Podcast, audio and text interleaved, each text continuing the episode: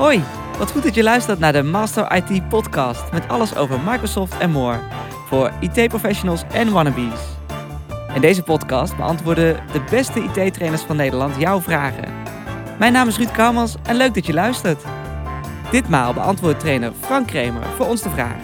Nieuwe programmeertalen, welke moet je echt kennen?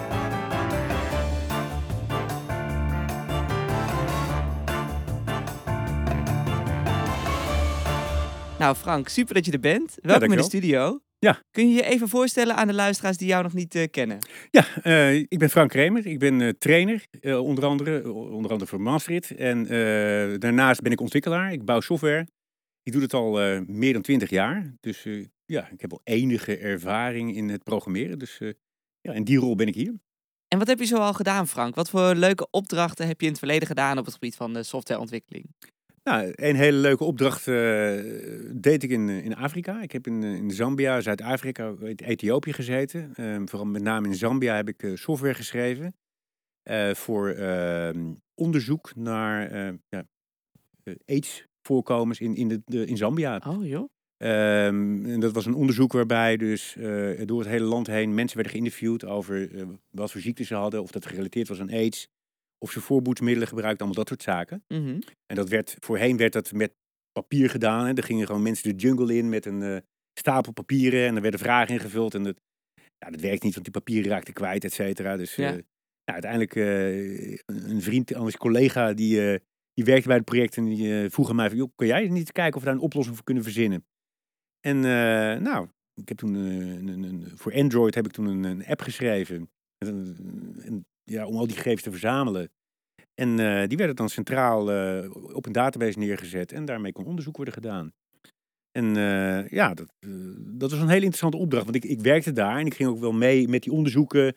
Ik ging mee die jungle in, ik ging ook kijken hoe die mensen die software gebruikten. En Wauw. dat was ontzettend grappig, want dat mensen hadden nog nooit een computer gezien en die zagen mij er lopen met zo'n computer. En dat je van, wauw, wat is dat nou voor, voor iets? En ik, ja, ik liep daar en ik dacht ook van, jeetje, wat kom ik nou voor omgeving terecht als IT'er? Dat was echt wel, eh, ja, ontzettend boeiend was dat. Eh, en ja, en eh, het was aan de andere kant qua software, het was niet eens zo uitdagend qua ehm, algoritme of wat dan ook, maar ja, de omgeving maakt het uitdagend. de totaal andere cultuur waar je mee te maken hebt, maakt het uitdagend. Dus ja, voor mij was het echt een, echt een van de meest boeiende opdrachten die ik heb gedaan. Ja, andere software opdrachten die ik heb gedaan, bijvoorbeeld, ehm, ik heb eh, ook software geschreven om ehm, ja, patronen te herkennen in, op foto's. Hè. Er werden eh, foto's gemaakt van productieprocessen. Ehm, en ja, dan moesten foto's worden geanalyseerd om te kijken of er fouten in die productieprocessen waren. Nou, dat klinkt weer als een heel nerdachtig onderwerp. En daarbij waren de. Ja, daar zat ik niet eh, ergens in Afrika, zat ik op een van de industrieterrein. Maar ja, Mhm. dat was de uitdaging weer. De echte complexe algoritme, tenminste voor mij dan complexe algoritme, om dat probleem op te lossen. Dus Mm. Ja, dat vond ik ook wel een hele leuke opdracht die ik me nog goed herinner. Dus Super divers. Ja, zeker. ja. Ja. dat is waarom we zeggen dat als je verder gaat in het vak, ja, dan zijn er best hele leuke opdrachten die je kunt doen. Ik kom van alles tegen. Je Ja. komt echt van alles tegen, ja, dat klopt.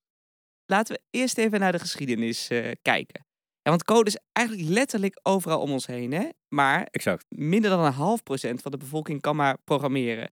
En als we aan programmeren denken, dan denken we natuurlijk aan computers. Maar het interessante is eigenlijk dat programmeren al bedacht was voordat de computer was uitgevonden, hè?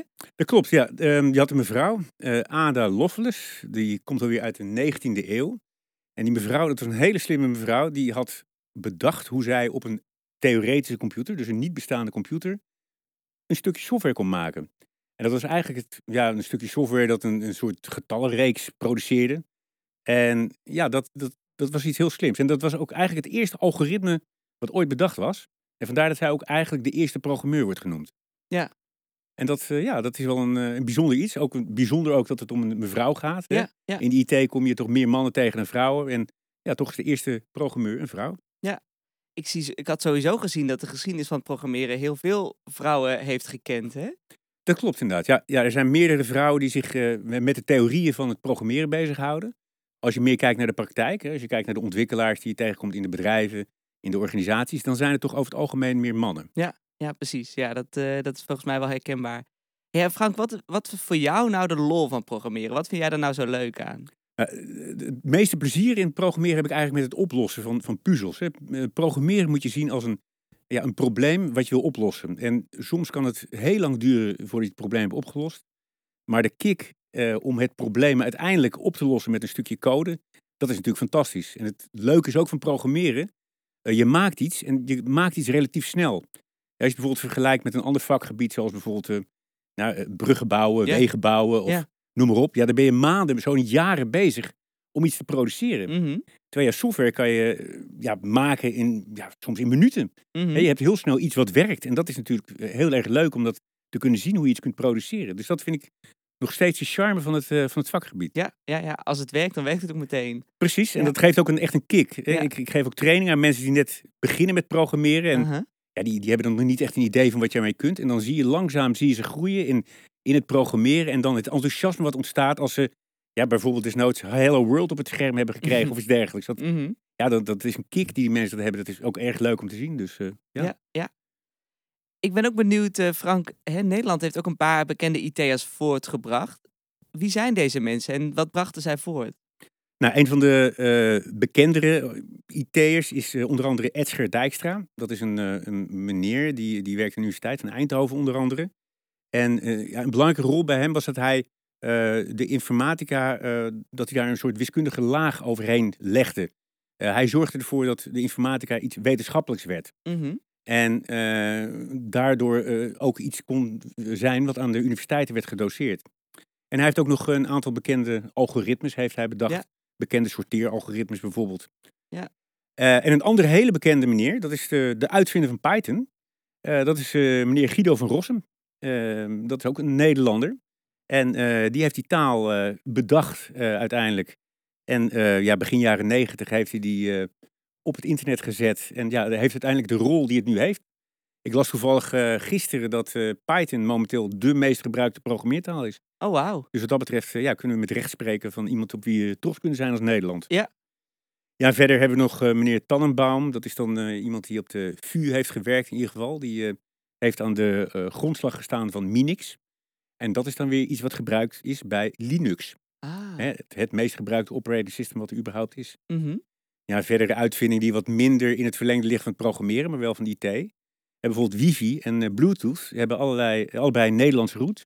Mm. Eh, wifi bijvoorbeeld is of all places bedacht in Nieuwegein. Echt waar? Echt serieus waar. Ja. En eh, bluetooth is bedacht door een Nederlandse meneer die bij, ik geloof, Ericsson werkt. Of... Ah, ja. Dus ja. Oh, Wat, wat grappig, hè? Ja. Ik hoor programmeurs vaak praten over, nou ja, wat ingewikkelde termen die mij nog niets wil zeggen. Dus ik ben benieuwd of, om die even samen met je af te lopen, hè? Ja. Bijvoorbeeld het woord abstractie. Wat, nou, wat moet ik me daarbij voorstellen in de context van programmeren? Ja, abstractie is een term die, die klinkt wellicht wat vaag, hè? niet helemaal duidelijk. Maar abstractie houdt eigenlijk in dat je eh, probeert om de gebruiker van software of van iets in ieder geval zoveel mogelijk te abstraheren van de onderliggende techniek die daarvoor benodigd is. Je kunt het misschien goed vergelijken met uh, autorijden. Hè? Als we rijden in een, uh, nou, een oude auto. Hè? In het verleden moest je de auto aanslingeren om de motor aan te krijgen. Je had een Mhm. choke om er benzine aan toe te voegen. Nou, redelijk moderne uh, benzineauto's. Heb je een koppelingspedaal, en een rempedaal, een gaspedaal. Dus ja, het vergt best wel veel handeling om die auto rijdende te krijgen. Maar als je nu kijkt naar een, um, een, een, elektrische auto van tegenwoordig, ja, daarbij wordt je eigenlijk het enige wat je moet doen, is het gaspedaal indrukken om vooruit te gaan. En het gaspedaal terugnemen om weer minder hard te gaan. Je hoeft eigenlijk bijna niet meer na te denken nee. over hoe je vooruit komt. Nou, dat is een term die heet abstractie. En dat kun je ook in de software kun je dat terugvinden. En je probeert zo min mogelijk een, een, een gebruiker van jouw software te belasten met de achterliggende details. Mm -hmm. En dat zou bijvoorbeeld op neer kunnen komen, stel ik wil contact leggen met ja, iets op het internet, een, een, een, een bepaald stuk informatie. En in plaats van dat ik alle details moet bedenken hoe ik dat wil, uh, het contact leggen met, met die informatie op het internet, geef ik gewoon één opdracht, haal voor mij die informatie op en al het onderliggende wordt voor mij verder uitgezocht. Ja. Dat is wat abstractie eigenlijk uh, inhoudt. Ja, precies. Ja. Dus die wil je zo laag mogelijk houden voor de gebruiker, waar jij als, waardoor jij als programmeur wellicht nog veel meer abstractie uh, aan, aan zult moeten kunnen. Precies, ja, ja. je wilt eigenlijk zoveel mogelijk details uh, wil je afschermen voor de gebruiker van jouw code. Precies. Dat is uiteindelijk waar het op neerkomt. Precies. Nou, Zo'n tweede term die ik langs zie komen is polymorfie. Ja, polymorfie, dat betekent letterlijk veelvormigheid. En uh, ja, een beetje misschien een rare metafoor, maar uh, stel je voor, je hebt diverse huwelijken gehad. En uh, ja, je hebt diverse kinderen uit diverse landen. En eh, je wil op een gegeven moment wil je eh, gaan eten, ik noem maar wat. En tegen de ene zeg je eh eat. En tegen de ander zeg je manger, hè, eet op zijn Frans. Of eh, tegen de ander zeg je weer eet. Dus je hebt verschillende opdrachten nodig om hetzelfde voor elkaar te krijgen. Het zou veel efficiënter zijn als je tegen al die kinderen kunt zeggen: En nu gaan we eten. Eten op dit moment. Ehm, en ja, dus eigenlijk, eigenlijk betekent polymorfie dat je één opdracht geeft om voor verschillende vormen, voor die verschillende kinderen dus, Mhm. uiteindelijk hetzelfde te kunnen uitvoeren. Oh ja. Dus ehm, als je dat vergelijkt met software, je kunt bijvoorbeeld diverse vormen willen tekenen, zeg een vierkant of een cirkel Mhm. eh, of een driehoek. En tegen ieder van die vormen die je dan hè, in je softwarepakketje tot je beschikking hebt, kun je dan zeggen, van, nou, vierkant teken je zelf, driehoek teken je zelf. Dat is niet zo efficiënt. Je kunt beter in één keer zeggen van nou, teken tegen iedere eh, vorm op zich. Je geeft één opdracht en that's it, en dan ben je klaar. Dat Mm. is uiteindelijk waar eh, polymorfie op neerkomt. Dus je hebt eigenlijk verschillende vormen. En uiteindelijk geef je één opdracht om ze iets te kunnen laten doen. Ja. Dat is uiteindelijk waar het op neerkomt. Oh ja. En dan zie ik heel vaak componenten langskomen. Wat moet ik daarbij voorstellen? Ja, componenten kun je zien als bouwstenen. Eh, bouwstenen, ehm, ja, dat kun je een beetje vergelijken met, eh, stel ik wil een, een badkamer maken. Nou, ik kan alles zelf helemaal maken. Eh, ik kan het toilet maken door klei te bakken en et Mhm. cetera. Ik kan een bad maken door ook iets dergelijks te doen. Ik kan zelf kranen proberen te maken. Maar dat kost me veel tijd. Beter is het om die bouwstenen, het bad, bij de lokale bouwmarkt te gaan halen. Het toilet, Mhm. eh, de kraan, et cetera. Eh, componenten, dat zijn eigenlijk bouwstenen. En hetzelfde heb je ook in je software. Je kunt bouwstenen her en der vandaan halen om iets voor elkaar te krijgen. Dus je hebt bijvoorbeeld een bouwsteen om contact te leggen met een database. Eh, een bouwsteen om ehm, ja, een stukje user interface te maken, waarbij je gebruiker op knoppen kan drukken. En ja, door die bouwstenen kun je veel sneller komen tot een bepaald stukje software. Nou, dat is duidelijk. Ja. Ja, en ik kan me voorstellen dat het fijn is om veel van die al, blokjes al klaar te hebben staan voordat je met je programma gaat beginnen. Precies, ja. ja. En dat laatste eh, term die ik toch ook nog wel even wil uitvragen is zijn declaratieve talen en procedurele talen. Ja, eh, dat eh, is een interessante vraag. Ehm, ja, declaratief betekent eigenlijk dat jij opdracht geeft om iets te doen. Ehm, hè, bijvoorbeeld, je kunt tegen een computer zeggen van nou, zoek voor mij uit in een database bijvoorbeeld welke mensen hebben een leeftijd ouder dan 20 jaar. Ik noem maar wat. Mhm. Hoe die computer dat doet, dat maakt mij niet uit. Eh, Ik declareer, ik geef opdracht om het te doen. En hoe dat verder wordt uitgezocht, dat boeit me niet. Aan de andere kant heb je de procedurele taal. Dan leg ik letterlijk stap voor stap uit aan zo'n computer wat hij zou moeten doen. Ja. Dus één, ga op zoek naar eh, de personentabel. Twee, ga ieder eh, element wat je daarin tegenkomt van personen, ga je, loop die af en haal daar iedereen uit die dan een leeftijd groter heeft dan 20 jaar. En het verschil is met name aan één kant, ik geef puur een opdracht en hoe dat verder wordt uitgezocht, dat bepaalt de computer. Mhm. En bij procedureel zeg ik, zeg ik letterlijk voor elke stap die er moet gebeuren om uiteindelijk tot een eindresultaat te komen. Ja. Dus die declaratieve talen, ja, als je een lui persoon bent, zijn die te prefereren boven zo'n procedurele taal. Want daar Mm. moet je letterlijk alles hè, aangeven hoe het moet gebeuren. Dan heb je declaratieve talen aan de ene kant en procedurele talen aan de andere kant. Maar is daar ook een soort van tussenvorm van? Ja, ja je kunt ook eh, declaratieve talen eh, kun je mixen met eh, procedurele talen. Een voorbeeld daarvan is de taal C-sharp. Ja. In de taal C-sharp kun je ja, procedureel programmeren. Je kunt dus letterlijk stap voor stap aangeven wat moet gebeuren. Maar in dezelfde taal kun je ook declaratief zeggen van nou, eh, haal voor mij bepaalde gegevens op. En hoe jij dat zelf verder uitzoekt, dat maakt mij verder helemaal niet uit. Nee. Ja, dus dat, ja, er zijn voorbeelden van mixen van die talen. Ah, oké. Ja, ja. Nou, dat is wel goed om te weten. En laten we nog even naar kijken naar het imago van programmeren. Hè? Ja. Want nou, dat heeft volgens mij vaak toch al een zweem van nutachtigheid, grote brillen, mensen die het saai vinden. Is dat tegenwoordig aan het veranderen? Ja, ja, je merkt dat daar toch wel een beetje een, een, een verandering in is. Eh, Je merkt toch wel steeds meer dat meer mensen geïnteresseerd raken in het vak. Eh, Vroeger was het zo dat eh, programmeren toch ja, heel erg iets hardware, hardwarematig in zich had. Hè? Ja. Met computers bezig zijn, met, met toetsenborden, met, ja, met harde schijven en computers uit elkaar halen. En ik denk dat heel veel mensen die, eh, ja, dat afstoten. Mhm. En mm, ja, inderdaad, wat je net vertelde, hè, dat vooroordeel klopt dan wel een beetje. Dat het mensen waren met grote brillen en een beetje nerdige types die alleen maar over die computers praten.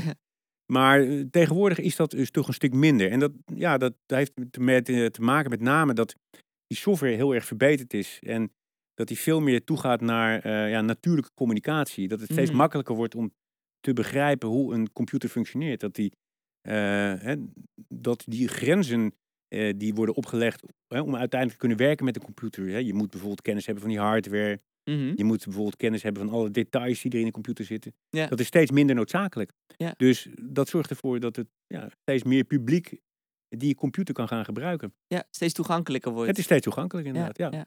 Ah, wat goed. Ja. Volgens mij hebben we dan een belangrijke ontwikkeling in, de programmeer in programmeren te pakken. Hè? Ja. Klopt. Wat zijn er nog meer belangrijke ontwikkelingen in programmeertalen van de afgelopen decennia? Dus welke talen waren vroeger heel dominant en hoe verschillen die talen dan van talen die nu veel gebruikt worden? Ja, nou, nou ja, we- als je naar de ontwikkeling kijkt, hè, ehm, vooral in het begin van hè, het ontstaan van het programmeren, ja, waar, was men letterlijk bezig met het programmeren van de eentjes en de nulletjes. En je zag steeds meer een ontwikkeling ontstaan waarbij men die eentjes en de nulletjes losliet en steeds meer eh, een ontwikkeling richting een bepaalde taal ging ontstaan. Hè, programmeren, eh, je kreeg talen als COBOL, je kreeg talen als Fortran. Hè, die talen begonnen steeds meer te lijken op een natuurlijke taal. Mm. Hè, op een, vooral op de Engelse taal. Ja. En overigens, in Frankrijk hadden ze ook Franse programmeertalen. Dus commence betekent dan begin en fini betekent dan end. hè. Het waren letterlijk commando's die in het eh, Frans gaf. Ehm, en die ontwikkeling ging steeds verder. En het gaat ook nog steeds verder. En dat komt met name omdat eh, hardware wordt steeds sneller. Hè? eh, CPU's, hè? dus eh, processoren, de Pentium zus en de AMD zo. Nou, die worden steeds en steeds sneller. En ook geheugen steeds goedkoper. Dus die computer kan steeds meer bedenken en doen. En dat maakt het mogelijk dat programmeertalen steeds meer neigen richting eh, natuurlijke taal. Hè, omdat steeds meer eh, van de denkprocessen kunnen worden overgenomen door die computer. Die wordt steeds sneller en kan dat dus steeds makkelijker doen. Mm, ja. Dus dat is echt een ontwikkeling die je hebt zien eh, vormen in de afgelopen decennia. Wat, wat die toegankelijkheid mogelijk maakt. Exact. Ja, ja. Ja. precies. Ja. Volgens mij is dat een mooi bruggetje naar onze hoofdvraag. Hè? Want wat is jouw inschatting, Frank? Welke talen zijn op dit moment kansrijk om aan te leren? Ehm, nou, de meest populaire programmeertalen, wat ik al zei, ik heb even gekeken naar de top 5 van de meest gebruikte programmeertalen. Nou, op één staat dus Python. Mhm. Ja. Eh, twee staat wonderlijk genoeg de taal C. Die is al best oud. Dat is hè? heel oud. Dat is een Ja. taal die is al, dat is een ontwikkeling in de jaren 60 Zo. is dat begonnen, geloof ik. Als ik het goed heb. En ehm, ja, de reden daarvoor is dat er nog steeds heel veel low-level eh, ja, eh, hardware is. Mm. En die moet worden aangestuurd. En vaak is het toch de taal eh, C die ervoor wordt gebruikt. Eh, Java is ook een heel veel gebruikte taal. Mhm. Ehm, die staat ook in die top eh, 10. Ehm, Ja. C-sharp zie je ook in terugkomen. Ook een veel gebruikte programmeertaal. Ehm, ja, VB ook nog steeds. Hè, Visual Basic. hè, Mhm. wat eigenlijk al in de jaren nou, 70 is ontstaan als zijn de beginnersprogrammeertaal. En ik denk dat dat wel de meest populaire programmeertalen zijn eh, om aan te leren. En ik denk dat met nu met, hè, echt met stip op nummer 1 staat die programmeertaal Python. Hm. Die heeft als eh, voordeel dat hij ja, relatief makkelijk te leren is. Je kunt er relatief Mhm. makkelijk mee beginnen. Je kunt ook eh, ja, zonder al te veel poespas kun je daar al een paar regel code mee schrijven. En Je kunt letterlijk, ja, je, je installeert Python op je computer en je kunt er eigenlijk al meteen mee aan de slag. Ehm, en dat, dat maakt het wel tot een hele productieve en krachtige programmeertaal. En je ziet ook heel veel toepassingen van Python in, ja, tegenwoordig in de, in de, in de datawereld. Ja. BI noemen dat een, een mooi woord, of data science. Ja. Maar je kunt ook Python gebruiken voor andere toepassingen. Je Ja. kunt bijvoorbeeld een webprogramma's maken ermee, of, of andere soortige programma's. Eh, dus ik denk dat als je met Python begint, dat je dan wel een hele goede keuze maakt nu. Andere programmeertalen, eh, Java of C-Sharp. Ik- Mhm. Ik geef zelf veel training in C-Sharp. Ja, dat, nou, C-Sharp is bijvoorbeeld een taal die, eh, waarmee je heel veel verschillende eh, programma's kunt bouwen. Mhm. Webapplicaties, maar ook Windows-applicaties. Ook applicaties voor een smartphone. ehm. maar hetzelfde geldt min of meer voor Java. En ik denk ook dat je met C-Sharp en misschien ook wel eh, met Java, dat je ook een heel eind kunt komen Mm. als je wil beginnen met programmeren. Dus Ja. Ja, en dan is het natuurlijk vooral belangrijk om na te denken van waar, waarvoor wil ik het leren? Hè? Wat is mijn doel eh, om het mee te gebruiken? ja, ja, exact. Ja, ja, ja. En nou, stel, hè, ik, ik kan nog geen Python, maar ik, mijn interesse is, is gewekt. Ja. Waar, waar moet ik beginnen, Frank? Ehm, ja, als je wil gaan beginnen, dan eh, kan het zin hebben om eens op internet te gaan rondstruinen. Ehm, je kijkt naar wat tutorials. Hè. Je hebt Mhm. wel eh, aardige websites die dan je introduceren eh, tot wat je kunt doen met Python. Hè. Dan, je download Python, je probeert even wat code samples uit. Ja. En ja, je bent vrij snel up and running met zo'n programmeertaal. En hetzelfde geldt wel ook voor bijvoorbeeld een taal als C-Sharp, alhoewel je daar wel iets meer voor moet doen dat aan de praat te Mhm. krijgen. Eh, en ja, daarna kun je overwegen of koop een goed boek of ja, ga een training volgen bij bijvoorbeeld, eh, nou ja, Master It. Hè. Ik bedoel, ja. eh, daar kun je dus veel van leren. Je krijgt dan, als het goed is, zit je dan met een aantal personen samen met wie die ook die taal willen leren Mhm. en van wie je ook weer kunt leren uit de vragen die ze stellen. En hopelijk dan ook van een docent die je dan veel dingen kan bijbrengen met betrekking tot zijn programmeertaal. En heb je dan die eerste stappen gezet met het programmeren, ja, dan Mhm. hopelijk is dan je enthousiasme gewekt. Hopelijk denk je van, wauw, dit is iets fantastisch. Misschien denk je wel van, ja, dit is helemaal niks voor mij. Ik wil er nu eh, niks meer mee te maken hebben. Hm. En eh, ja, god, eh, op dat moment, als je enthousiasme is gewekt, dan ga je er vervolgens mee echt mee aan de slag. Dan ga je bijvoorbeeld kleine programma's schrijven. En dan doe je hopelijk ervaring op waarmee je steeds verder kunt gaan. Ja, En dan ja. wellicht je beroep van kunt maken. Dus ja, zo zou ik vooral beginnen. Ik bedoel, zo zie ik ook dat mensen, en vooral door het enthousiasme te krijgen voor zoiets Ja. als dat, dat ze eh, er snel mee verder willen gaan. Dat ze echt de motivatie kunnen opbrengen om meer te leren. Dus Dat is het allerbelangrijkst. dat is het allerbelangrijkste. Ja, denk ik. Ja, de ja. Lol, dat je lol in hebt. Laten we nog even stilstaan bij de toekomst. Want we hebben de geschiedenis gehad. We hebben het lang gehad over hoe de situatie nu is. Maar nou, er komt natuurlijk heel veel op ons af. Hè? Machine learning, low-code, mobile exact. first, Ja. virtual rea- reality. Hoe zie jij de toekomst van programmeren en development? Ehm, ik zie de toekomst van het programmeren. Nou, ik, ik denk dat eh, we steeds meer richting low-code gaan. Mhm. Ehm, dat betekent dat je met steeds minder eh, ja, handelingen een, basis kunt neerleggen om software te bouwen. Ja, om een voorbeeld te noemen, ik wil een, eh, een programma maken om bijvoorbeeld nou, producten te registreren, ik noem maar wat. En, nou, met een paar handelingen kan ik dan al een, een applicatie in elkaar zetten. Bijvoorbeeld een webapplicatie Ja. die je in de browser kunt bezoeken. Waarmee je al producten kunt toevoegen. En ik vermoed dat het in de toekomst ehm, ja, steeds meer en makkelijker kan. En dat het ook steeds toegankelijker wordt. Dus dat mensen die ja, weinig kennis hebben van de details van het programmeren, toch al heel snel iets kunnen bouwen. Mhm. Ehm, wat je nog wel st- steeds zult blijven houden, denk ik, is dat eh, met name de details, hè, de uitwerking, de- de, de berekeningen of eh, ja, lastige stukjes code, lastige dingetjes, eh, dat je die toch eh, uit zult moeten programmeren door middel van regels code. Dus dan zul je toch uiteindelijk wat kennis moeten hebben van een taal als C-Sharp of Python. Mhm. Dat zie ik gebeuren. En ik zie ook wel een, een rol weggelegd voor AI. Ja, wat je ziet tegenwoordig in ontwikkelomgeving is dat eh, wordt voorspeld door je ontwikkelomgeving wat je volgende regelcode is die je wil schrijven. Mm. En ik moet zeggen, ik- ik gebruik die, dat soort software wel eens. En ja, ze zitten, hè, dat soort software zit er wel eens naast, maar ook soms wel is die software correct. Van ik wil inderdaad deze volgende regelcode schrijven. En het enige wat ik dan hoef te doen is op enter te drukken. En dan wordt dat meteen voor mij uitgespuugd door die software. En dan ben ik klaar. Dus Ja. dat is wel iets heel interessants. Inderdaad. Dus dat zijn wel ontwikkelingen die ik, eh, ja, die ik eh, wel zie gebeuren. Mm. Maar het good old eh, code kloppen, hè, dus regels code kloppen. Ik denk dat dat nog steeds zal blijven bestaan. Hè, al 30 jaar geleden, toen ik begon met programmeren, toen, of meer zelfs. En toen hadden ze, werd voorspeld van nou, over 20 jaar dan uh, hoeven we geen regelcode meer te schrijven. Nou, daar is niks van terecht gekomen. nee, nee. Het nee. blijft nog steeds eigenlijk eh, regels code schrijven. Precies. En ook Dus- omdat die nieuwe, functie, die nieuwe toepassingen, nieuwe technieken ook nog zoveel complexiteit meebrengen natuurlijk. En Ja. heel veel nieuwe mensen gaan nodig hebben om, dat, om die code te kunnen schrijven. Exact. Het, Ja. het, het is in de, ja, uiteindelijk, eh, onze wereld hangt aan elkaar van software. En het is steeds meer nodig en steeds meer Ja. wordt er gebruikt. Dus ja, je zult ook steeds meer mensen nodig hebben om die software te produceren. Dus, Ja, Klopt. Ja, ja, precies. Goed. Volgens mij zijn we rond, eh, Frank. Nou, hartstikke goed. ja, ik weet niet of er verder nog vragen zijn of opmerkingen Nou, zijn. nee, ik wil je vooral heel graag bedanken voor het eh, komen naar de studio en het beantwoorden van deze vraag. En ook wil ik heel graag mijn dank uitspreken voor eh, mijn marketingcollega's Juri van Etten en eh, Noelle van Sprang voor hun ontzettend harde inzicht achter de schermen. En luisteraar, nou dit was alweer de allerlaatste aflevering van ons eerste seizoen. En we zijn ontzettend benieuwd wat je van onze aflevering vond. Zoals wat je nog miste, wat je sterk vond en vooral natuurlijk wat je nog meer wil leren. Dus stuur je ideeën op naar podcast.master-it.nl om ons van je inzichten te voorzien. Voor nu wensen we je een hele mooie week en tot in de toekomst.